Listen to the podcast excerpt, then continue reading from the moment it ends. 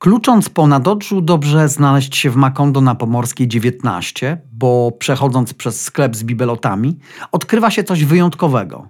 Na jego tyłach można napić się kawy, herbaty, zjeść ciasto, spotkać stałych bywalców i pewnie poczuć się dobrze. To miejsce rozmaitych aktywności, ale nas interesują te związane z dźwiękiem. Wokół Makondo wyrosła społeczność praktykująca muzykę improwizowaną, odkrywająca na potrzeby indywidualnych wrażliwości własne sposoby używania instrumentów i ich słuchania. Na koncertach, w jakich miałem szczęście uczestniczyć, panuje skupienie, ale w atmosferze nie ma nic ze sztywności, snobizmu. A co jakiś czas do audiosfery przebijają się dźwięki tramwajów. Można powiedzieć, że rzeczywistość i jej elementy magiczne łączą się całkiem zgodnie. Lena Czerniawska i Michał Sember to głosy reprezentujące społeczność Makondo. Wędrując po Wrocławiu natknęłam się na y, ludzi związanych z tą muzyką i pierwszy raz zaczęłam w ogóle słuchać muzyki jakiejkolwiek y, na żywo.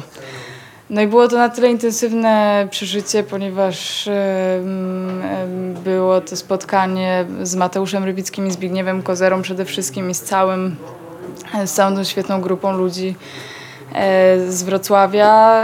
Zakochałam się w, e, w, tych dźwiękach i tym, że można słuchać takiej muzyki na żywo. I pierwszy raz zaprosiliśmy i właśnie ten duet na, do Salonu Poezji, który e, to był jeden z pierwszych, jedna z pierwszych serii, które mieliśmy w Makondo. I oni nam grali do Wojaczka. Czytaliśmy Wojaczka, a oni w przerwach między wierszami grali tu muzykę. No i jak skończyliśmy spotkanie, to moja mama Julia odwróciła się i mówi, skąd ty wzięłaś takich ludzi w ogóle? To się zaczęło samo nakręcać, ponieważ oni zrozumieli, że tu jest miejsce, gdzie można występować.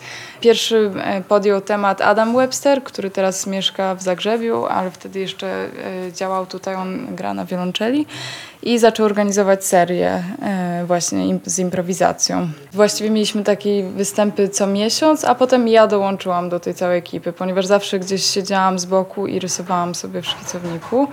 No więc chłopcy, w tym Piotr Damasiewicz i Piotr Trukiewicz powiedzieli, no to koleżanka teraz wejdzie na scenę też, no i w ten sposób dołączyłam i do dzisiaj trwa moja przygoda. Moje drogi z tym miejscem się związały w 2015 roku, kiedy po prostu poznałem Lenę, i zostało mi zaproponowane, żeby tutaj wystąpić. I wtedy właśnie dowiedziałem się, że jest takie miejsce i że ono jest otwarte na tego typu działania.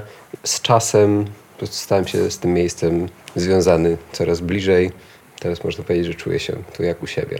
Ja jestem teraz właściwie w sercu całej tej społeczności, która się zajmuje improwizacją, więc też przeze mnie jako elementu sceny improwizowanej dowiadują się ludzie o tym, że można tu występować, ale też e, podtrzymujemy e, tętno sceny wrocławskiej. Ja jestem muzykiem improwizującym głównie na gitarze elektrycznej.